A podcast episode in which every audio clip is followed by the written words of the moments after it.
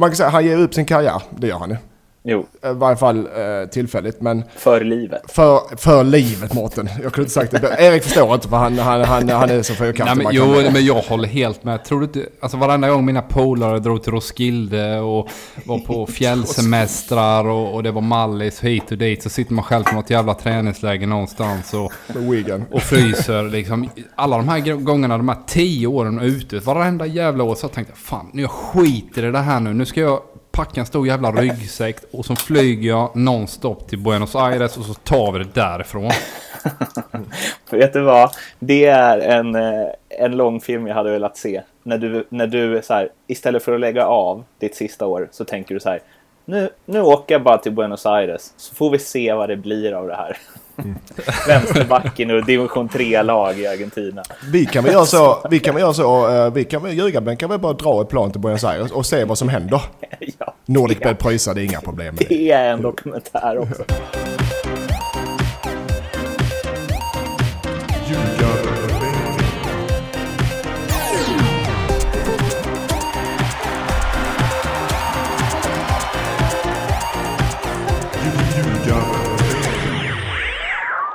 Ljugarbänken, Nordicbets podcast om allsvenskan i fotboll är det här och det är nummer 88 och det är också siffran på ungefär antal grader ute just nu. Det finns eh, en eh, video på Ljugarbänkens Facebook hur Mattias Lindström går klädd nu för tiden. Och eh, jag skulle säga att jag sitter här i min lägenhet med än mindre kläder än eh, så. Men det hjälps ju inte. Det är otroligt varmt och eftersom vi är den positiva eh, glädjespridande podden så gnäller vi ju inte över det utan så härligt att så många Helsingborgsbor får se din bara bringa Mattias. Ja, tack ska du ha. Och för första gången eh, så är Erik eh, Edman spontan och överraskar mig med en, en liten eh, en kamera i huvudet som jag som har i paparazzi efter mig i vanliga fall. Men Erik som är världens mest beräkneliga och eh, systematiska människa överraskade mig. Så det var kul att se att han kan tänka lite utanför, utanför ja. boxen. Jag skulle säga att det där var väldigt eh, beräknande. Ja, exakt Mårten. Jag, jag frågade ändå Mattias, kan vi lägga ut den här? Ja, för fan, det är klart vi ska ut med den så jag får visa upp mig. Så är det när man, mår, när man ser bra ut. Som då uppenbarligen jag gör, så mår man bra Erik. och presterar man bra, det vill säga att ni har det också bra. Mår jag bra, mår ni bra. Ja, Så får vi väl se, eh, alltså eh, det har ju inte direkt rasat in önskningar om det, men jag kan tänka mig att det finns en, eh, en alltså ni vill säga brandmän gjorde ju kalendrar förr. Jag tänker att det är dit vi är på väg. Ljugarbänks kalender. Vi kan i alla fall täcka januari, februari, mars. Jag, tänk, vi- jag tänker stort här, Sports Illustrated eh, nakenutgåva. här Body till- issue, eller vad Ja. heter det? Sen kan vi ha de andra månaderna när vi har fyllt varsin månad kan vi ta Eriks avelhästar och eh, Ja, eh, ja. bankfack och allt vad det är. Jag kan bli någon form av role model för eh, podcastkroppen. ja, eh, men det finns ju också någonting i eh, den bara överkroppen där som signalerar var Tvååker befinner sig just nu, nämligen semester. Ja, exakt. Mårten, alltså vilken övergång. Ja. Men ja, vi har semester denna vecka ut och sedan drar vi igång på måndag med inget beep-test. Eh, utan vi kör nu igång med lite allmän Ja, du skrattar. Ja, vi kör nu igång med lite allmän träning och låter dem skaka loss eh, semester med lite spel. Och sedan har vi faktiskt DM-semifinal mot Micke Svenssons Vinberg som ni träffade för ett tag sedan. Eh, Jag, onsdag. jag tänkte ju att ni, jag tänkte att ni kör beep-test så ofta det bara går för att coach ska få liksom bekräftelse. Spel- spel- Kom, är ni efter mig så är ni icke godkända eller extra tränade. Nej, förr i tiden, nu är jag inte... ja, Det kanske ser så ut på videon att jag är vältränad. Men det är jag inte. Men det är bara, det är bara beachmuskler. Ja, det, är- annat, det är bara, bara skalet. Men och sedan i helgen om en vecka, på lördag, så har vi faktiskt träningsmatch mot Västerås. Som Mm. har valt, lyssna här, som har valt att lägga sitt sommarläger i Tvååker. Mm, så populära är vi. Och Är, det de- den ny, är det den nya La Manga? Det är kosläppen och allt det där Exakt, som exakt. drar. Lamang. Och Vi de har känner ju... mer att det är Ola, Conny och Morgan där som, som drar för att eh, spelarna vill till Ullared. Och vi, de fick ju Stefan Batra precis. Och, så, och lyssna, de sparkade Tor Arne Freidheim, Freidheim heter han det Erik? Ja, Eh, precis, och, de, och han, de leder ändå serien. Och de, division 1 norra, de sparkade honom häromdagen. Så att, eh, det är väldigt speciellt när man leder en serie. De kommer är- på besök. Och vi kör lite ledarfest det. efter. Ja, det är en kravbild. Eh, Vem tog över? Ing, ja, assisterande än så länge. Vi får väl se efter de har mött Tvååker. Det är, då, det är det som kommer bli det stora uppvaknandet. De kommer ju rusa upp i allsvenskan på två säsonger efter att ha haft en, en tuff halvlek mot Tvååker. Ja. Vi ska prata allsvenskan där det inte varit eh, semester och eh, det som har hänt där sen sist ni hörde oss är att Östersund vunnit med 1-0 mot Elfsborg. Omarsson gjorde hattrick när Göteborg besegrade Brommapojkarna med 3-0. Dalkurd vann komfortabelt borta mot, nej, förlorade komfortabelt hemma mot Sirius med 3-1. Malmö FF 2-1 vinst hemma mot Norrköping. AIK vann uddamålet 1-0 mot Kalmar FF. Djurgården, Sundsvall kryssade på Tele2 1-1. Häcken, Örebro gjorde exakt samma sak. 1-1 på eh, Bravida Arena och Trelleborg tog emot Bayern igår och fick se sig besegrade med siffrorna 3-1. Jag tycker att vi börjar i Östersund som jag sa att de kommer gå rent under våren. Det gjorde de ju inte och alla har vi eh, å Östersunds vägnar fasat över vad som ska hända när Ken Sema försvinner, när Graham Potter försvinner, när Broa Nori försvinner, etc, etc, etc. Och det man eh, kan konstatera so far är ju att det verkar inte påverka dem ett endaste dugg. Nej, hittills har de eh, spelat väldigt bra fotboll också och tagit många poäng och de här flyktande personerna har inte alls eh, saknats. Eh, sen så kommer det ju lämna en spelare till och det är ju samma Ghoddos såklart. Eh, och då kommer det en dipp, men eh, något ras eh, tror jag inte riktigt eh, vi kommer se. Även om jag faktiskt också förespådde Mårten att det här laget kommer gå som ett sänk under hösten. Det har de ju hittills inte gjort. Men en dipp kommer de få definitivt för att det är trots allt tre eh, superspelare. Plus att man glömmer ju då pappa Giannopoulos också som, som också har lämnat. Så att eh, det är inte alls samma bredd i det där laget. Eh, och kvaliteten, mm, ja den saknaden kommer man se under hösten. Men är det att, eh, att det ändå går så pass bra nu? Är det för att eh, alltså det som Potter präntade in gjorde han under så pass lång tid och det är ändå tillräckligt många spelare kvar från den tiden som gör att de det sitter där liksom. Ja men det tror jag definitivt. Just det här arbetssättet om man säger på Svenska Fotbollförbundet. Att man, man har jobbat med saker så pass länge så bara för att grejen försvinner så, så, så är inte allting bortblåst. Utan det kommer in en ny person som har en liknande filosofi och kan liksom ta över stafettpinnen. Så att det kommer fungera bra eh, året ut tror jag. Men, men någonstans så är det ändå de här kvalitetsspelarna som är borta. Och Saman Ghoddos har varit glödhet här nu första matcherna efter uppehållet. Och han har sprutat in mål och varit bra i spelet. Gjort de andra ännu bättre. När han drar också så tror jag ändå vi kommer se en, eh, en klar försämring av det här Östersundsgänget. Men sen är de, de är ju... De vet ju som alla vi vet att de, ja, de försvinner. De håller på att försvinna. Men de varvar ju samtidigt ganska smart. Simon Kron nu från eh, Midtjylland, eller Söndyske sist.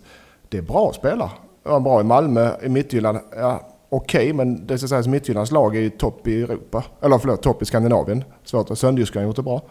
Eh, jag tror han kan, det är en sån spelare, typisk Östersundvarvning, som kan blomma ut och bli en av ja, Östersunds bästa spelare.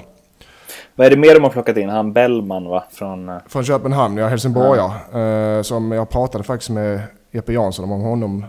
Det är alltså en riktig, en riktig, en köttare, en gnuggare, men en bra spelare som kan bli riktigt, riktigt bra. Som tyvärr HF har trillat ur händerna på HF. Det är, han, är inte redo att in, han är inte redo att gå in och dominera allsvenskan, det är han definitivt inte. Men det är en påläggskalv. pojklandslagsman och så va? Ja, exakt. Ja.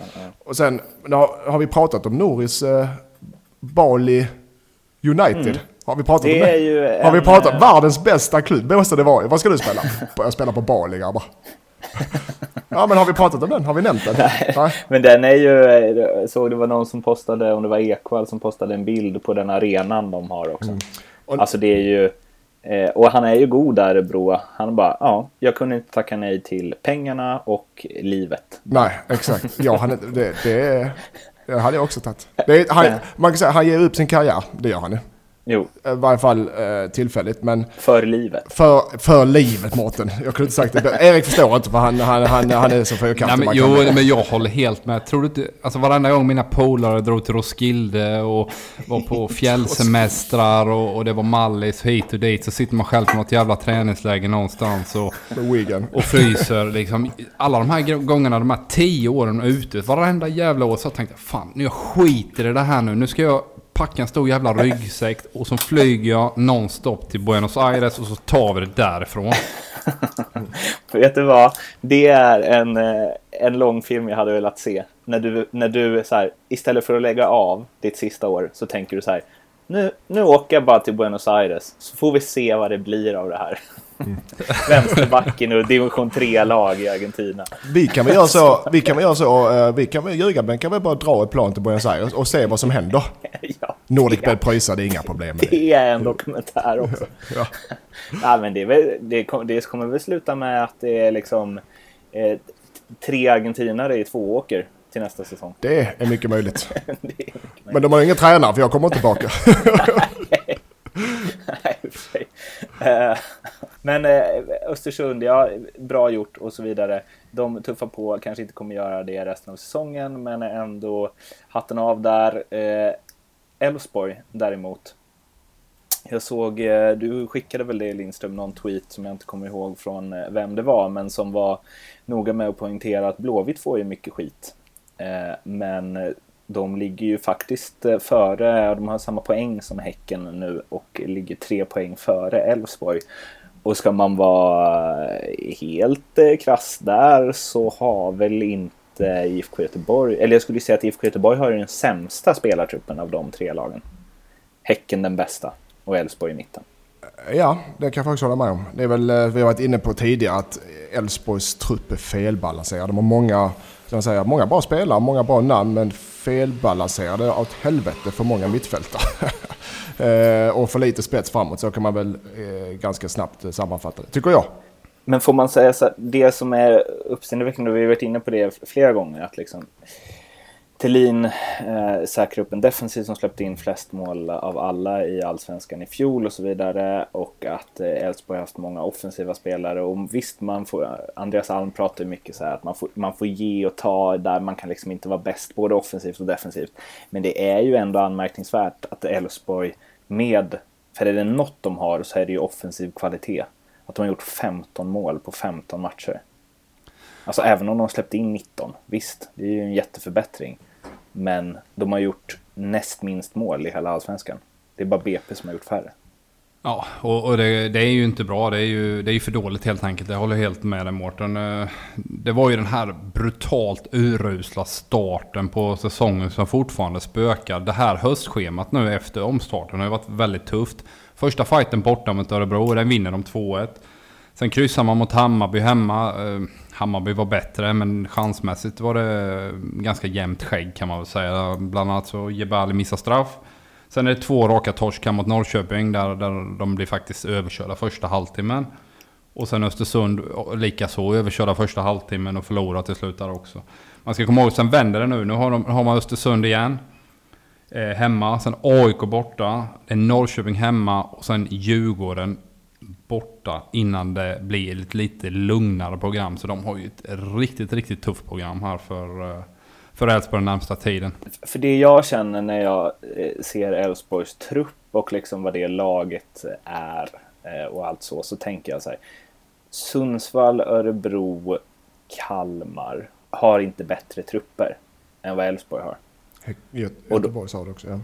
Ja, eh, men Häcken tycker jag har bättre trupp än Elfsborg. Men eh, mm. framförallt Sundsvall, Örebro och Kalmar som ändå ligger liksom 4, 5, 6 poäng före. Eh, och som, det känns som att de har en helt annan... Det känns som att de har något mycket mer att luta sig mot. Om jag ska vara lite ja. slarvigt i, det, i uttrycket. Ja. Liksom. Elfsborg, eller Elfsborg får ju slita som djur för sina segrar känns det som. Och det känns också som det här är ju såklart, jag jobbar inte med dem varje dag, men det känns som att de är rädda för att förlora. Det känns som att fasen, vi har inte råd att förlora mycket för att uh, varken spelarna, eller tränarna, eller sponsorerna, eller klubben eller fansen, de är varken rädda för att förlora. Glädjen, den här glädjen att vinna och verkligen nu ska vi vinna till vilket pris som helst, den, den ser jag inte. Jag ser inte den här, eh, eller den här glöden, riktiga, riktiga glöden att vinna matcherna, utan det är mer rädda för att förlora dem. Den känslan får jag. Jag kanske kan ha fel, men det är den känslan jag får. Har Elfsborg ett lag som är Eh, en trupp som är mer anpassad för att vinna med 4-3 än 1-0? Ja, det, alltså på förhand så känner man ju att det är en väldigt offensivt balanserad trupp. Så det, det är kanske att det, det som jag får känslan lite, mm, lite som Mattias är inne på att, att um, man, man, har ju velat täta defensivt, det är inget snack. Men man blir väldigt, väldigt låga eh, många matcher och har långt fram till mål. Och sen är det en ensam Jebale där uppe och det är alla snackar om att in med Prodell och in med Frick och så vidare. Men de matcherna man har spelat med två anfallsspelare. Det var mot Malmö, då spelade Prodell från start. Och sen var det mot Häcken borta 0-5. Nu var det visserligen två självmål där, men det har ju inte heller funkat. Va? Så att, bottom line, om du tittar de sista tre åren, vad har den här truppen egentligen gjort? De har inte gjort så mycket resultat och prestationer. Och någonstans, vad fan, bara för man har ett namn. Och det är landskamper hit och dit och, och sådär man kanske inte är så jävla mycket bättre än så här. Kommer man undan lite för lätt ändå? Alltså för att det är så här, de har fyra lag bakom sig. Sirius, Trelleborg, BP, Dalkurd. Ja, men det är klart de ska ha skit liksom och kritik, absolut. Men jag tror att det här kommer landa i att Elfsborg till slut efter 30 fighter kommer vara 8-9 någonstans där. När, när liksom man har spelat alla matcher och och då kommer Kalmar ha rasat ner. Östers, eller förlåt, Örebro är ju inne i en riktigt, riktigt tung period nu. Och man ser ju direkt när de blir av med några av sina startspelare. Heinz Eig drog till Belgien nu och sen har du eh, Garcis som har varit avstängd tre matcher. Direkt så blir de försvagade. Så de kommer ju ha en tuff höst till exempel. Så jag tror att Elfsborg kommer lyfta sig efterhand här nu, men det kommer vara ett skitår för dem och det kommer vara en ombyggnadsår. Eh, man har fått in Ray McCabe som jag tycker känns superspännande.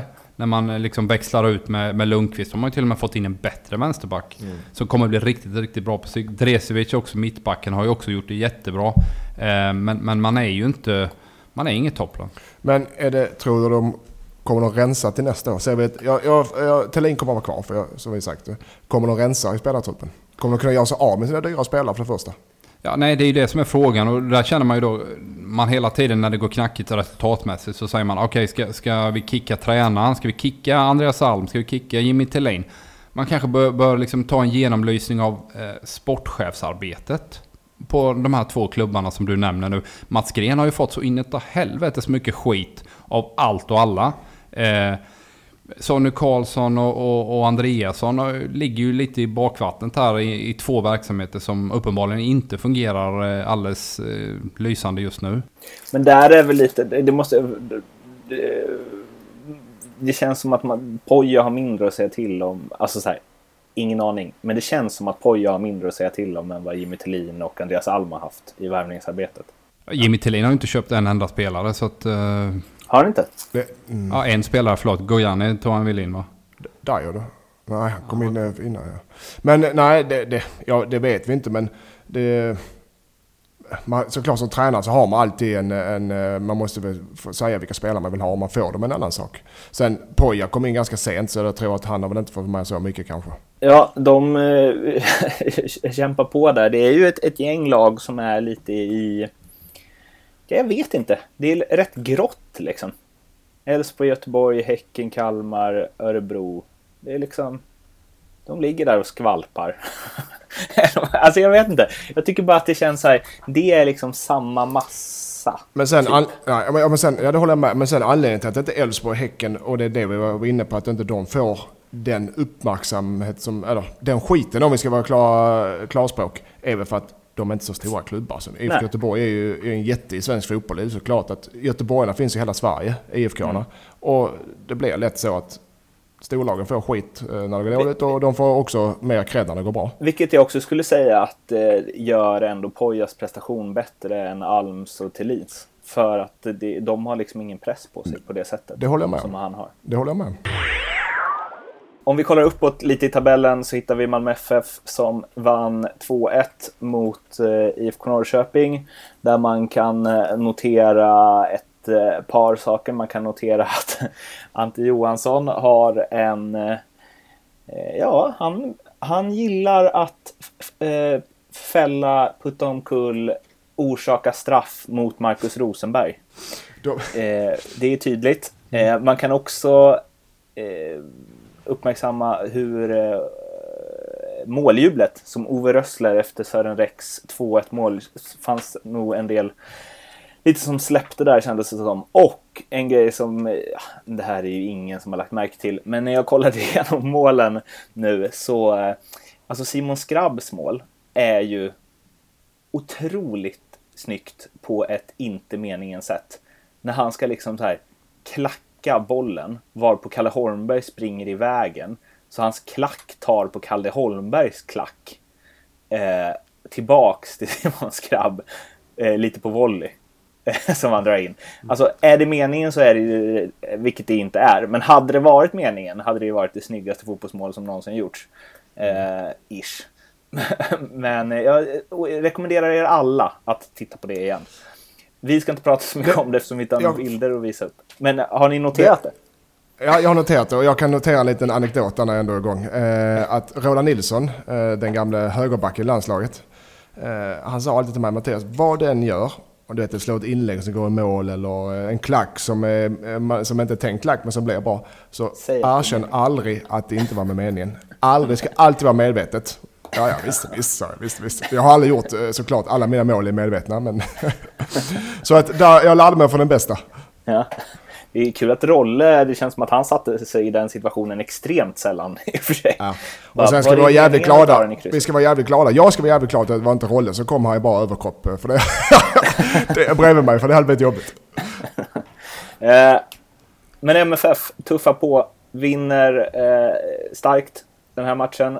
Trots att de har varit ute i Europa och härjat. Har nu ett spelschema som består av Dalkurd borta, Sirius hemma, Trelleborg hemma, BP borta, Östersund borta, Kalmar hemma. Det är ju minst 15 poäng de kommande sex matcherna. Ja, och det är så eh, de har den här matchen. Nu gjorde Erik matchen för Simon, men de var ju, jag såg den också, Malmö var ju bättre. Eh, de har ett jäkla driv och de, de går ju för att vinna, för de vet de måste vinna varje match. De har inte råd med kryss heller, det är vinst varje match för dem. De bara kör, de har inget att förlora. De bara kör det ser man. Om man jämför med Elfsborg som vi pratade om innan, med rädslan att förlora, Malmö bara kör. De vet att okej, vi släpper allt och bara kör för att vinna. Och Rössler har fått in en jäkla energi ju. Det är inte, han har inte gjort några genidrag eller ändrat speciellt mycket men han har, han har fått en jäkla energi på dem. Och jag var spånad lite, alltså att Malmö ska vinna guld är uppåt 20 odds. Så den, ehm, jag ska inte säga att den är spelvärd men eh, den kan vara som en lite rolig TV-peng som vi säger. 25 har de, det, ja, det är en bit upp alltså. Det är en jättebra bit upp men eh, därefter oddset. Men jag tänkte att om Leo hör det här som han antagligen inte gör. Att han kan boosta upp den till eh, 30 kanske. Gånger pengarna att Malmö vinner guld. Jag vet inte om vi snackade om det här sist eller om det här är off-podd-prat som jag säger nu. Men om AIK går vidare mot Nordsjälland. Då skulle jag säga att Norrköping vinner guld är en, ett bra spel. Ja, Jag, jag tror också Norrköping eh, kommer vara med hela vägen. Nu fick, kom man väl inte riktigt upp i maxprestation. Det måste du göra borta mot Malmö om du vill ta poäng och helst vinna också. Eh, men de är riktigt bra Norrköping och har många spelare och... Ja, fan alltså. Jag tycker, jag tycker de känns superspännande. Jag, jag gillar hela deras bygge faktiskt. Jag tycker de är imponerar varje gång jag ser dem. Jag träffade faktiskt eh, Jordan igår på stranden här i Helsingborg. Eh, han åkte upp efter, alltså det är där vi träffas. Men han, eh, och han, så hans speltid har varit skral den sista tiden men han är ändå väldigt imponerad av Jens och, och, och sättet han arbetar med sina spelare. Så att, jag brukar säga, har man en spelare som sitter på bänken och ändå tycker tränaren är bra, ja, då är det oftast något bra på gång. Är inte det, för att återkoppla lite till Östersundssnacket där. Är inte det väldigt så här, det här med att man liksom håller kvar i det som Potter har gjort länge. Alltså visst, Jens har ändrat till 4-3-3 och så vidare.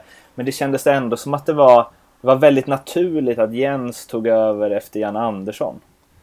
Det, det Jens sätt- gjorde jäkligt bra i början, Mårten, det var ju att han inte ändrade på någonting när han kom Mm. in. Utan han bara fortsatte spela samma typ av fotboll.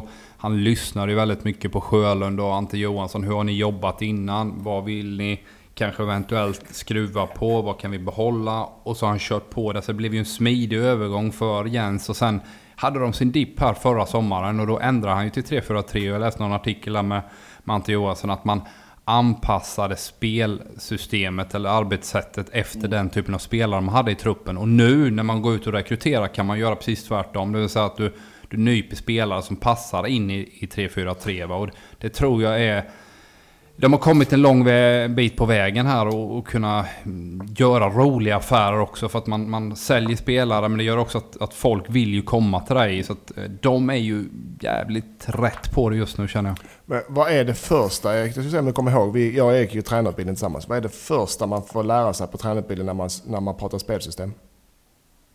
Vet du det? Ja, det är Erik inte så bra på provet ska sägas. På teoretiska provet. Nej. Du anpassar spelsystemet ut efter spelare du har. Ja, det är någon jävla kurs som du har gått. Jag, ja, det är... Jag, det är ju det som hela tiden, man, man bygger... Man, man, alltså, ja, det är väl samma sak. Anpassa så gör man som Nordsjälland, Ajax, Barcelona. Att, att du, du, har en tråd nerifrån Ajax och upp. och Barcelona, ja. ja men det är ju det som är tyvärr att det är väldigt sällan tränare och folk blir kvar i verksamheten så pass länge så att du liksom kan trycka igenom spelare hela vägen. Så. Ja, men det jag menar, den röda tråden. Vi tar Nordsjälland då, som är passningsorienterat lag, som är kvicka och tekniska och, och väldigt eh, väldisciplinerade. Om du gör det från junior, eh, pojk, junior, U-lag, A-lag, ja då har du den röda tråden på sätt att spela och då anpassar du, men anpassar sätt att spela också efter. Eh, kolla på Nordsjälland som bara varvar spelare som är två meter och väger 90 kilo då. Nordsjälland, eller förlåt, eh, Mittjylland. De har ett helt annat sätt att spela, för de har ett helt annat sätt, spelstil efter spelare. Det är det jag menar. Inkast. Har ja? de. Inkast har de ju. ja, men Nord, eller Mittjylland har ju en filosofi att varva välväxta spelare. Men, men vi ska ju prata om, det här blir en bra övergång till Europaspelet. Men eh, alltså Nordsjälland, när de, eh, jag såg någon bild när de jublade efter matchen mot AIK som de vann med 1-0. Alltså, vad har de för snittålder i startelvan egentligen? Oh, det såg jag på 21, Twitter. Vad var det? Typ. Ja, men det är 21 liksom. De har någon innermittfältare 17-18 år som hade lekstuga. Ja, de är så ja, det såg ut som ett pojklag på ja, lagbilden. Ja, det är ett jävla junisgäng liksom. Det, det, mm, det, är så jävla häftigt gjort alltså. Ja, och Kasper Hjulman som har varit där superlänge. De här andra i organisationen har varit där väldigt länge. Det gör ju att man liksom har en stabilitet och en struktur som alla förstår och sen är det mm. lättare då givetvis när du kommer upp. Har du jobbat med samma sak juniorlag och pojklag i 3-4 år och så, så gör du det bra och så kommer du upp i A-laget. Det gör att du känner igen det som du ska arbeta med och du smälter in snabbare i eh, A-lagets verksamhet än, än som det ofta är då i Sverige där man kanske byter tränare och det ska ändras eh, spelsätt eh, flera gånger under kanske två, tre år. Va? Så de är ju jävligt rätt på det och framförallt det här med tålamod, att orka gå igenom tuffa perioder. Det har de ju också gjort i mm. tio, ja, lätt tio år nu ja, alltså. Ja. Gnuggat på för de har ju också haft tuffa, tuffa resor. Liksom. Eh, Europaspelet då? Eh, det slutade med att eh, Nordsjälland som sagt vann hemmamötet mot AIK. Djurgården 1-1 hemma mot Maripol. Och sen så var det Häcken som fick sig en resa modell större eh, på eh, bortaplan mot eh, Red Bull Leipzig. 4-0 fick de stryk med där. Och Malmö FF vann ju med 1-0 borta mot eh, Kluj, Kluj, eller hur man nu uttalar det. Vad ger ni lagen i procent, de svenska lagen, att gå vidare? Och vi eh, börjar väl eh, där jag slutade då. Malmö FF som tog med sin 1-0-seger från Rumänien. Nej, de kommer gå vidare. Eh, procent eh, på avancemang så är 85 procent. De, de gjorde en jättebra bortamatch. Och kommer säkert kunna vinna även hemma på ett rätt så komfortabelt sätt. Det verkar ju också som det är rätt så stökigt just nu. De har kickat tränaren. Hälften av truppen tyckte det var kanon och hälften vill ha kvar honom. Och Ja, jag fattar ingenting där. Verkar väldigt eh, rörigt, minst sagt. Eh, det är en underprestation av Malmö, eller Malmö ska greja det här. Liksom. Ja, och det gör de också. Ja. Det, det, det, tror jag till och med spelarna, Kloy-spelarna själva känner. Och ytterligare ett uttal på Ja, men det var det skånska uttalet. Kloy. Kloy. Eh, ja. Kloy. Och eh, sen hade vi ju Häcken då som eh, mm. fick en 4-0 torsk mot eh, Leipzig. Det är väl 0 procent chans. jag ska de går säga att Leipzig gjorde sitt 4-0 mål med en man mindre. Eh, Så Häcken får åka hem med svansen mellan benen, är mellan Häcken. Eh, Nej, jag ska inte säga. Nej. I Häcken. Nej, inte det Fortsätt. heller. Men, Fortsätt men, bara, låtsas som Ja. ingenting. Nej, och då är frågan, eh, kommer eh, Häcken rotera antagligen? Kommer Leipzig rotera- antagligen? Kommer det bli en avslagen jävla skitmatch? Antagligen. 5-7 kanske det kan bli också. Nej, det kan bli Eh, i den Djurgården-. Djurgården då, 1-1 från eh, hemmamatchen. Mot ett ukrainskt lag som... eh, Alltså de har ju en del bra lag i den ligan. Ja. Som, alltså med en drös brassar och så vidare. Men de här kom väl typ, vad kom de, femma förra året? Eh, Ja. Ja, det, Och var ju i ärlighetens namn inte speciellt bra. Nej, eh, Djurgården skulle, borde och skulle vunnit hemma otroligt slarvigt och inte göra det. För det nu, och att Ukraina spelar på resultat, det är inte det lättaste. Eh, nu tror jag de vinner, Djurgården vinner knappt, men det, den är tuff. Den är riktigt tuff faktiskt. Vad är det för procent på Djurgården vidare? Fem- 50-50 fall. Jag säger 50-50. Håller du med Erik? Ja, jag tror att eh, det är 40% chans att de går vidare. Jag tror att eh, de får det väldigt tufft där nere. Sen har vi AIK då, som tar emot Nordsjälland hemma. Har eh, 0-1 från bortamatchen. Greja Gnaget där. Jag såg den matchen. Eh, ja, Nordsjälland var ju bättre första 20 och AIK var bättre. Ja, första halv, halvlek var Nordsjälland bättre. AIK var bättre sedan. Det var en jämn match eh, och kom det en jämn match i Stockholm. Som vi var inne på förra avsnittet. Det är konstgräs. Det gillar nog. Jag har sagt redan från början att AIK åker ut och det håller jag fast vid. Vilka favoritlåtar har du nu från din eh, stora idol Justin Timberlake då Lindström? Vad fan är det här nu Erik Edman? Vill du bråka med mig?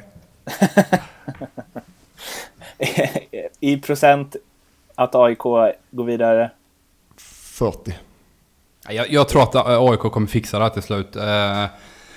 Här, nu måste man framåt, man måste anfalla, man måste gå före. Jag tycker att AIK är jävligt bra då när de, de kör på offensivt. Och det behöver man göra. Sen är det ju tufft när man inte kan. Eller det blir väldigt tufft om man släpper in ett eh, mål. Så att, eh, jag Mm. De här säger jävla bortamålen alltså. Ja, den är tung alltså.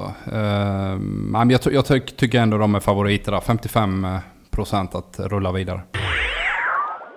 NordicBet eh, har ju en, eh, jag, jag kallar den ljugarbänken-kampanjen sist, det är det ju inte, men jag säger det ändå. Ni surfar in på nordicbet.com och sen hittar ni det under kampanjer eller så hittar ni länken i Acast och iTunes-beskrivningen. Och det man gör där då är att anmäla sig till kampanjen, spela för sammanlagt 250 spänn under den kommande veckan. Det gäller all svensk fotboll. Eh, oddsen måste vara Eh, 1,50 som minst. Och när man gör det så får man då 100 kronor i ett riskfritt spel att använda på fotboll under samma vecka. De här 250 kronorna, Mattias, hur hade du fördelat dem för att få loss ditt riskfria spel på 100 spänn? Kalmar FF, IFK Göteborg. Trots Nannes sjukskrivning så tror jag att eh, Kalmar vinner och det blir under 3,5 mål. Den ger tre gånger pengarna. Den sätter jag första spelet. Sen har vi Hammarby Trelleborg. Hammarby gör mål i bägge halvlekar. Båda halvlekar. Ja, det gör de. 1,82. GIF Sundsvall Norrköping, trots avstängning på Batanero sa du va? Eh, så tror jag Sundsvall eh, grejar etta kryss där. Dubbelchans. 1,81. De tre spelen har jag. och ska vi gå in tyngre på något så är det, är det... Vill du gå in tyngre på något så är det Hammarby mål i bägge halvlekar. Erik, vad kontrar du med? Ja, jag har lite repetition här vad Mattias sa. Jag, jag tror också Kalmar vinner hemma och håller nollan till 3,80 tyckte jag var ett bra odds där. Eh, sen Hammarby vinner ju såklart. Eh, och de vinner med mer än två mål. Eller minst två mål. Då får man två gånger pengarna. Lite drygt 2,01. Och sen tror jag tvärtom där att Norrköping kommer att profitera på Tjerkoles och Bataneros avstängningar borta. Och vinner med mer än ett mål. Eh, 3,40. Vilken känner du är starkast? Ah, Klart Hammarby känns ju efter gårdagen jättestarka och ännu bättre hemma. Så att, eh, den känns som att man hade gått tyngre på. Och vill ni följa i herrarnas fotspår så hittar ni alltså länken Acast och iTunes-beskrivningen. Vi twittrar ut den också. Eh, Så är det bara in där och kolla vad ni vill spela på i svensk fotboll. Gött så! Vi är inne på det när, du, eh, när ni gav era eh, speltips. Kalmar, Nanne tar ett break. Jag läser till. Det kom nu på morgonen. Kalmar FF gav idag sina supportrar ett tråkigt besked inför höstsäsongen i Allsvenskan. Klubben meddelade via sin hemsida att tränaren Nanne Bergstrand är sjukskriven tills vidare med anledning av personliga skäl. I Bergstrands frånvaro så kommer istället Henrik Rydström och Jens Nilsson att ta över huvudansvaret för klubbens A-lag i Allsvenskan skrev Fotbollskanalen. Eh, Kalmar har ju inte direkt eh, rivstartat efter VM-uppehållet. Förlorade med 1-0 mot AIK. Det har tisslats och tasslats lite om att det finns en del partyprissar i laget eh, som inte direkt påverkas av att förlusterna, förlusterna har ramlat in. Nu tappar man också alltså Nanne Eh, och vi hoppas att vad det än är, att det går bra för dig Nanne. Är Kalmar på väg in i en eh, kris? Nej, det tror jag inte. Det är också ett lag som inte har, har gjort spelat okej okay i år och gjort bra, helt okej okay resultat. Har råd med några förluster utan att få någon panik både spelarna och klubben. Så det tror jag inte är någon fara. Såklart är det tråkigt med Nanne och hoppas det inte är något allvarligt. Men jag tror inte det blir någon större ändring när Rydström och Jens går in och tar över. Det, tror jag inte blir någon, det kommer inte påverka Kalmar på något sätt. Eh, utan eh, jag tror de kommer, de är i sin svacka nu. De kommer börja ta poäng igen. Jag tror till och med att det börjar hemma mot Göteborg, att de vinner den. Av ibland kan man göra, det, det är så tra, klart tråkigt och, och, tragiskt att Nanne behöver ta en paus, men ibland kan man vända till något positivt i spelartruppen. Att nu spelar vi för Nanne-liknande grej för spelarna. Uh, så det, det, jag tror det blir redan vinst mot Göteborg på, uh, i helgen. De, de här partyprissarna då? Ja, det är såklart inte något som är bekräftat. Men i ljugarbänken så är 99% säkert. Nej, eh, Kalmar är en sommarstad. Jag har själv varit där och haft Hoola Baloo på sommaren och det är skittrevligt och jag förstår att eh, vissa spelare eh, vill känna av det nattlivet även om man är fotbollsspelare. Men när man förlorar matcherna så man får vara lite försiktig med att eh, sprida för mycket partyglans runt sig. Tycker jag. Och det vi får det här ifrån kan man säga, det har stått en del på Twitter. Det är där vi tar alltså, Sånt här så, så tycker jag är bara tramsigt eh, grabbar för att Eh, det är väl det är sådär klassiskt när det går lite knackigt. Då måste du hitta någon jävla orsak. Sen Nej, det, är inte, det har väl inte det har väl för fan inte. Det är klart att de inte förlorar på grund av att de är ute och festar. Nej, men fan, jag tror de sitter och sprutar champagne liksom på något Nej, jag har väl inte sagt, de, har jag sagt att de har gjort fel eller? Nej, men man har gått ut på krogen och man har tagit en öl. Ja. Eh, och det, liksom, det blir ju sådana ryktespridning kring den här typen av saker. Det, det, har ingen substans någonstans skulle jag säga. Det är liksom bara trams och, och liksom fans som, ty som tycker att det är förjävligt att man skrattar. Alltså det, det är klart som fan att de tar det jätteallvarligt när de förlorar. Men livet och, och fotbollssituationen blir inte bättre för att man gräver ner sig och sitter hemma och liksom uh, gnuggar matchklipp liksom. Exakt. Åk till Bali. Det, ja, det borde du anammat när du var spelare. Ja, det gjorde jag ju. Det blir, det blir bara sämre och sämre. Men eh, låt dem gå ut och kröka på krogen. Ja, kör på. Forza Kalmar. Ja. Vad är det han brukar säga den här gubben som lägger upp videos? Heja Kalmars röda bröder. Spela nu så kulan glöder. FF, FF, FF. Kanske kan lägga in den här Martin om du hittar en ljudklipp på det.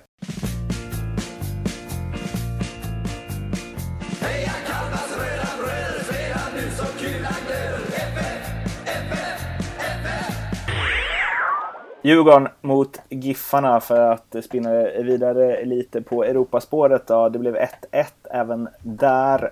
Djurgården sålde Tino Kadewere 20 millar till... Ja, du får sköta ut allt här Erik. Le Havre. Le Havre. Lavre. Och eh, det får man väl säga är en fin, fin peng med tanke på vad Tinos siffror har visat sedan han kom till Ja, nej, och Bosses arbete sedan han kom in i klubben. Det var en ekonomisk jävligt tuff situation för Djurgården och han har ju verkligen vänt på den där skutan och gjort den ena ja, förträffliga affären efter den andra. Så att han bör hyllas. Eh, och han har också plockat lite afrikanska spelare som de ändå haft tålamod med. Exakt, alltså i, i, verkligen. Sorry att jag avbryter, mm. men det är ju så. De har ju plockat in lite spelare som man tänker, vad fan är det här? Och sen har det gått två år. Och sen börjar de göra sina mål. Ja, och jag vet ju spelarna också varit lite frustrerade över att man inte har plockat etablerade spelare som, som ersätter den flyktande. Men det är ju det jag menar som Norrköping också gör. Att man, du säljer en spelare och så tar du in en lite yngre och börjar du om. Att du vågar som storklubb också att våga börja om. Det gör ju att du sätter dig hela tiden i, i sakta men säkert en bättre ja, dels ekonomisk situation men även att verksamheten tuffar på och utvecklas. Mm. Eh, och det kräver fan lite mod alltså, att inte tokköra så fort man får in 100 mille för någon spelare man säljer. Utan man börjar om, man vågar liksom eh, hålla fast vid de typen av liksom, eh, principer och struktur och strategi och, och alla de här bitarna. Även då när man har sålt spelare och inte börjar flyga iväg. Bara för att man vinner kuppen eller någonting så ska vi, nu jävlar ska vi köra och då bränner vi allting. Och sen sitter du i klistret samma. Utan där har Bosse och övriga klubben gjort det väldigt, väldigt bra och det är hatten av verkligen. Men om vi är eh, med fina försäljningar i bagaget så anfallsuppsättningen är ju inte den spetsigaste vi skådat. Nej, det kan jag hålla med om. Och det är, det vet de, det är de medvetna om. Att de behöver en spelare som ska in och leverera de sista 12-13 matcher. 12-13 mm. matcher. Nästan gör 7-8 mål. Alltså det är en sån anfall de behöver av den rangen. Och det, de har pengar antagligen. Det är bara att de ska hitta en spelare också. Det, det är inte så jäkla lätt att gå in, eh, in och bara plocka vem som helst. Nej, men det är klart att det finns en frustration för Öskan. Liksom, han är ju den som står med huvudansvaret sådär. Men eh, Ehm, han måste man också hylla. Han har ju arbetat med de rätt så tuffa förutsättningar som fanns. Jag menar Kim drog, Magnus Eriksson drog. Man tar lite mindre namnkunniga spelare, Kostica, Ring och, och den här typen av spelare och kör med ja, Kadewere och Emrabti där uppe och in med Badji då lite ibland. ibland och han se, tänker man ju också lite som, som är kadeverat alltså. Jesus Christ ibland när han kommer in. Han är som en sån här lång basketspelare som inte hinner upp i anfall och sen när de tappar bollen så hinner han inte tillbaka i försvar. Den känslan får jag med honom. Men det skulle fan inte förvåna mig om han får saker på plats inom ett år Badgen, kanske och så säljer man honom också för 30 miljoner. Liksom. Ja. Mm. Eh, nej exakt, han har väl gjort tre på tre matcher nu. Mm. eh, och det var väl lite, det var ju samma med vad hette Olunga ju. Mm. Det är samma grej med honom. Bosse, har, ja, Bosse och även då Oskar som spelar dem. Bosse har ett bra öga. Alltså. Det måste man ge honom. Uh, han har bra fotbollsöga på vem och vad kan bli något. Han har många sidor Bosse, men där är han stark. mm. uh, men den stora grejen från Djurgården-Giffarna som vi ska ägna lite extra tid åt nu är intervjun med Linus Hallenius efter matchen. Det var en situation i straffområdet där han eh, i närkamp med Jonas Olsson sköt över eh, Olsson. Eh, ja, jag vet inte vad man tycker om den närkampen. Jag tror att det kan blivit avblåst för offside ändå. Men strunt samma i allt sånt utan utifrån den situationen då, då eh, så kommenterade han det i Simor och då sa han jag kommer aldrig lägga mig men spanjorerna, alltså de som spelar i Sundsvall, vill att jag ska göra det han, Jonas Olsson, håll mig och det borde vara straff. Vi vill inte att folk ska filma men de blåser ju inte straff om man inte gör det. Ja, här tycker jag massa grejer. Eh, och det var väl en diskussion vi hade uppe med jämna mellanrum under eh, när vi tittade VM-matcherna, Erik. Eh, och, så välkommen in i spelet Mattias. Men eh, det som eh, jag känner där är det dels väldigt fräscht att höra det från en spelare, att Hallenius säger det. Och jag tycker också att han säger det på ett sätt som inte är så jävla gnälligt över att han inte fick just den straffen. Utan att han faktiskt försöker lyfta det till någonting större. Och mm. jag måste säga att ja, är det straff där?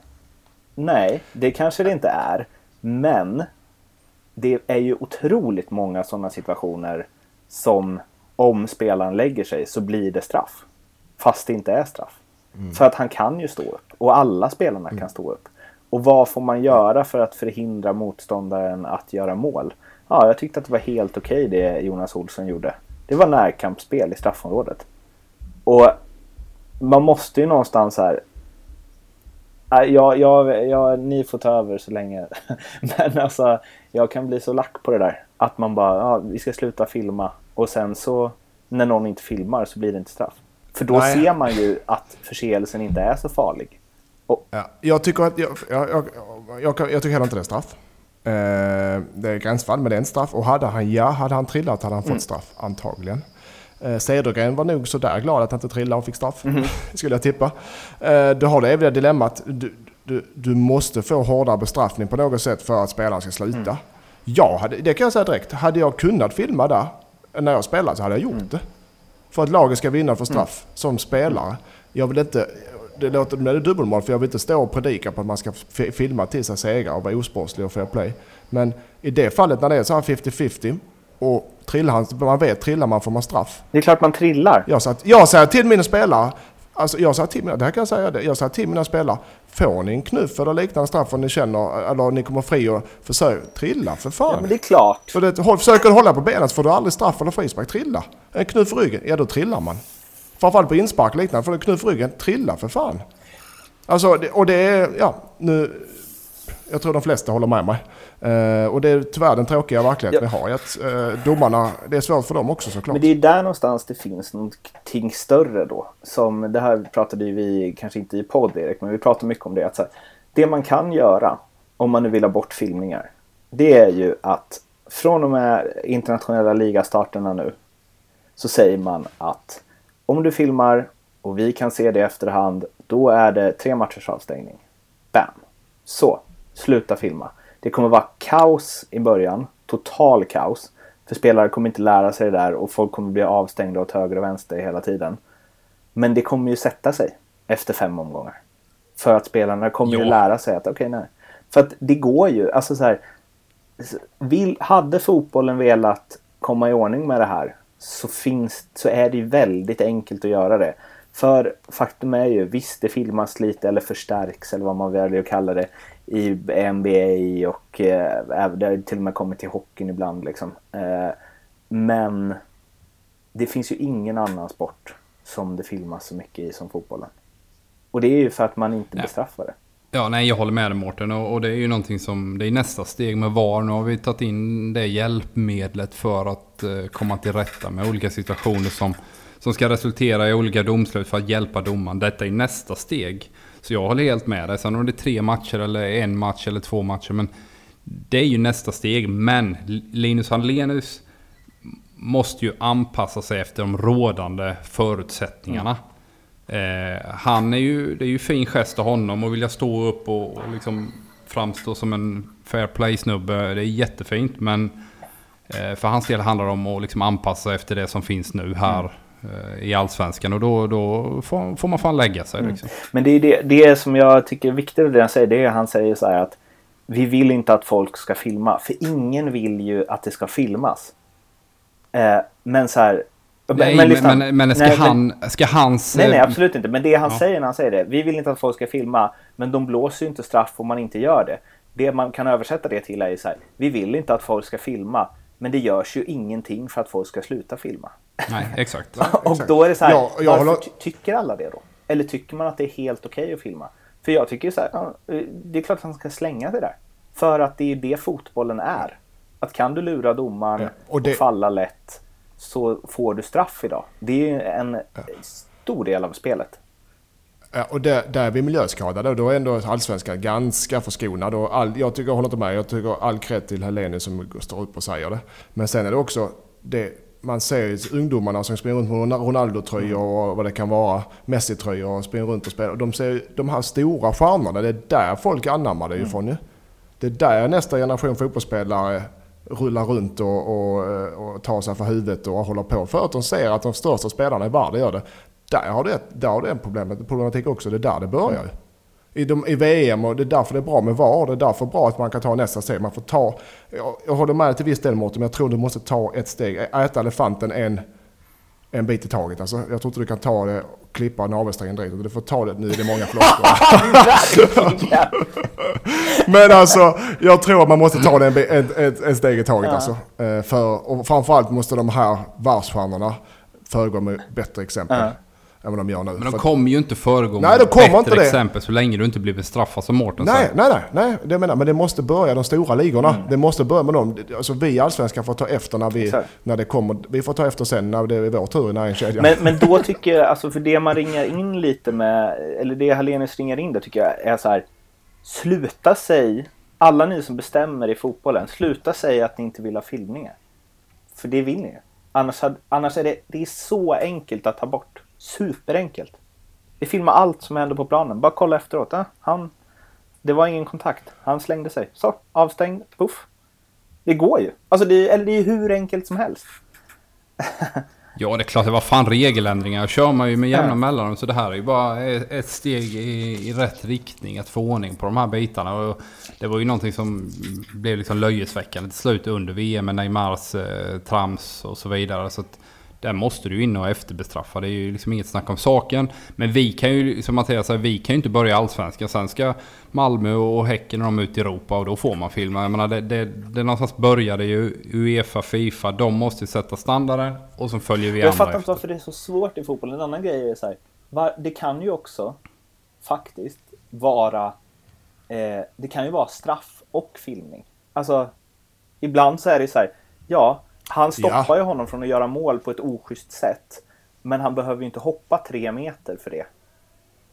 Eh, och då om man gör det så bara Fast domaren dömer ju inte straff då. Om man inte hoppar. Det Men sen har du, problemet. det är, vi kan sitta i all evighet, det är sån tolkningsfråga också. Med, även om man ser det, vissa spelare väger 60 kilo och flyger 10 varv i luften om du, om du får en puts.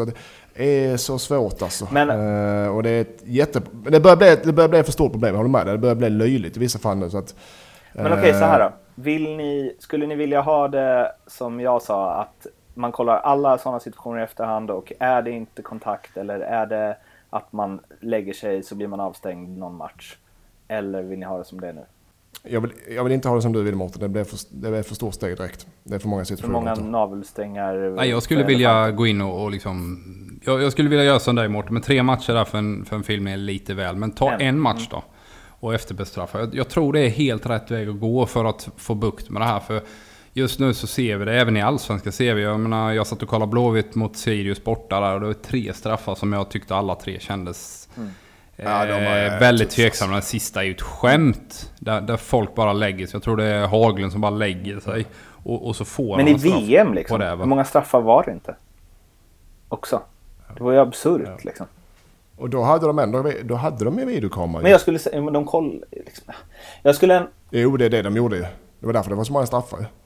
Så att det blir ju fler, det blir inte färre. Det kommer bli mer straffar med det här systemet. Ja, det kan bli, eller förlåt, nu är det i efterhand så blir det avstängningar. Men, Men eh, ja, för film, ja, men vad- vad är film, eh, pratar vi bara straffar då? Ska vi ta filmningar på mittplan också? Nej, vi snackar ju inte straffar, vi snackar ju filmningar. Mm. Ja, men ska vi bara ta straffavsfilmningar eller ska vi ta hela planen? Ja, jag menar för att det är oändliga situationer det jag menar. Du måste dra gränsen någonstans. Alltså en 50-50 duell och du... Ja, alltså, du Ja, det är ju en resursfråga också ska man Ja. komma ihåg att det, det kostar ju det här VAR-systemet. Där sitter fem italienare inne i ett rum liksom. De eh, jobbar ju liksom inte pro bono direkt utan de ska ha pengar också. Så Hälften svart. eh, ja, Ja, nej, det är sant. Men alltså... Ah, det, och det är inte så att det saknas pengar i fotbollen i och för sig. Det är det minsta problemet här. Ja, ja, skitsamma. Eh, jag tycker grymt bra sagt av Hallenius. Och tills det ändras, släng det jag bara helvete så fort du får chansen. trelleborg Bayern Sista matchen som vi ska prata om. Bayern vann 3-1. Två grejer. Djurdjic och Sudic. Vi börjar med Djurdjic. Är han årets nyförvärv i Allsvenskan? ja, det vet inte fan om inte är det. Jag var väldigt tveksam där. Han hade en tuff eh, period. Han stack hem eh, till Partisan. eh, Och sen drar han till Danmark. Randers Lindström, du som är Randers-expert. Och var iskall där. Så jag tänkte, nej han, han är förbrukad som artist. Men fan alltså. Det var en skarp värvning av Mr Jeppe Jansson där får man säga. Han var riktigt bra igår. Han var grym hela säsongen. Och det jobbet han lägger ner, särskilt med de typerna av spelare man har runt omkring honom. Så skickar han ju signaler hela tiden att eh, jag är bäst i laget just nu, men jag jobbar hårdast av alla. Det var någon som skrev det på är- Twitter, han något i stil med så här. Eh, jag menar att han är otrolig för han, så här, han är vår vassaste offensiva spelare. Men han jobbar också som en så här inner mittfältsterrier. liksom. Springer ju, han är ju överallt. Han är lite, nej. Jo, nej, Cavani tänker vi jag på. Ja, ja. Han är eh, kravställare också. Det är perfekt. Det är exakt vad man behöver i topplag. Eh, minst en sådan spelare. Men ja, ja, vi har också Batanero. Vad har gjort det bra? Om Tern är ju en fin Ja, värvning. Jag Ado var ju, också. Ja, Adu har varit jättebra. Ja, det, fin det finns Alltså, ett ja. gäng där, en lista på... um, Robin ja, Jansson. Robin Jansson nu får man ju Men säga jag en tror nog att om man ska ta bort, om man tar bort nyförvärv från lag. Ja, visst, Bo- Buya Turay, men vad fan, de ligger ju ändå typ sist, så det spelar ingen roll. Men, men om du tar bort Nikola Djurdjic från Bayern så tror jag att det blir en jävla smäll. Kontra om du tar bort Ado från AIK eller Robin Jansson från AIK eller vad det nu är. Eller Simon Tern från Norrköping. Ja. Jag Ja, tror att han är absolut, men MVP i nyförvärvet. Liksom. Eh, Absolut, men vilka, vilka parametrar ska de med? Robin Jansson är ju liksom ett guldkorn de, eh, från de har tagit en billig från Ja, Noddevold som men inte där- men nej. antagligen. Georgies är en erkänt bra spelare. Men vi tar bort så här eh, avkastning fram, alltså försäljning och sånt. Det där Ja, kan okej, vi okej, in. Utan okej. prestation. Ja, då är här. Georgies, då är Georgies bäst eh, allsvenska varvningen i år. Detta år. Än så länge. Då har vi den rubriken Mm. klar. Eh, Jasmin eh, Sudic gjorde comeback. Eh, och för er som inte har järnkoll på Jasmin Sudic. En tragisk karriär får man ju säga ändå. Han debuterade på Söderstadion 08 före Malmö FF mot Hammarby. 18 bast var han då. Sen dess har han dragit på sig fyra korsbandsskador. Jag tror det är två, tre i ena knät och ett i det andra. Eh, och kämpat sig tillbaka återigen. Fick lämna Häcken för Trelleborg där han nu för första gången på 15 månader spelade fotboll mot Bayern. Eh, och jag tycker att det är värt att ta upp för det är otroligt svårt, i alla fall för en annan som inte varit elitidrottare, att sätta sig in i hur hans eh, psyke funkar. Alltså. Fyra korsbandsskador. Ja, nej, det är makalöst imponerande hur han orkar fortsätta resan där. Eh, detta ska man komma ihåg, detta var en av de största mittbackstalangerna som vi någonsin har fått fram. Jag vet att han var i stort sett klar för Everton och de skulle betala storleksordningen 5 miljoner pund för honom. Och sen drar han då korsbandet första gången och, och får den här ja, ryckiga, ryckiga resan liksom med till slut så fyra, fyra gånger. Så det är bara att hoppas att han håller sig frisk denna gången och får spela fotboll. För det verkar jag tycka är rätt kul i alla fall. Jag, jag kommer ihåg när jag såg honom där. Möt, visst spelade han mot Helsingborg i något derby där. Bort, där han var så sjukt bra. Han kom in när han var 18. Ja, jag, jag vet att du fiskar efter det, men jag har inget minne av... Det har han säkert gjort, ska jag säga. eh, Men jag har inget minne av det personligen. Att, det, det, att han För jag vet i alla fall att jag kommer... Alltså jag, eller som du säger, en av de största mittbacks... Jag kommer, alltså när jag såg honom första matcherna där som 18-åring. Jag tänkte bara han kommer, det är, han kommer spela landslaget inom tre år liksom. det. Ja. För han var ju... ja, det var som Erik sa. Everton in på fem... Ja. Vad var det? Man hade ju en sån Ja, fem, enorm... eh, Han var ju så enormt orädd. Alltså... Ja, nej, det är en... eh, Det är en eh, och det är, därför, det är därför vi sitter och pratar den här, att för det fyra korsbandsskador, att vi sitter, när man har, vet vilken jäkla talang och vilken fotbollsspelare som gömmer sig där inne, att man verkligen, man vill ju, alla, hela fotbollssverige vill ju att Jasmin kommer tillbaka och blir en, drivande i Allsvenskan. Och det, För det han gjorde, jag kommer, är när han hade första. Då drog han det ju på första träningen som han var tillbaka. Drog han ju det andra. ja.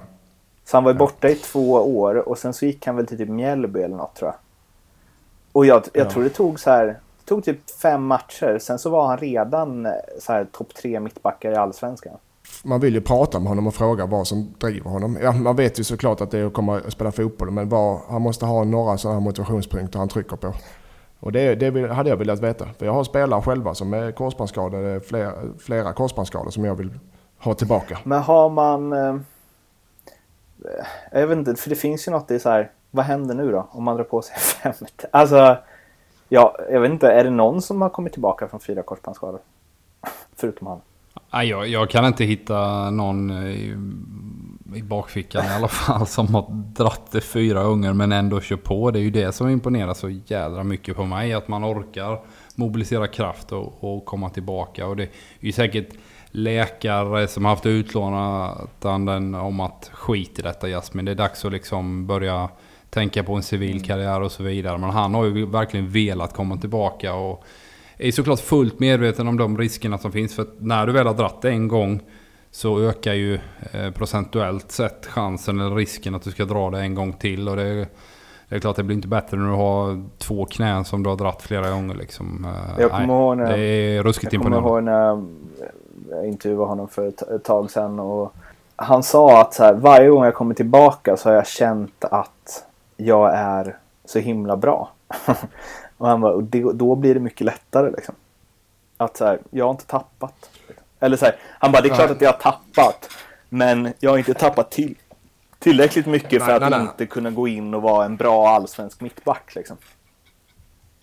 Nej, och det tror jag fortfarande, med tanke på hur bra han var, eller hur bra han kan, kunde ha varit, så tror jag hans lägstanivå så att säga är allsvensk klass. Så Ja, han är nog rätt där.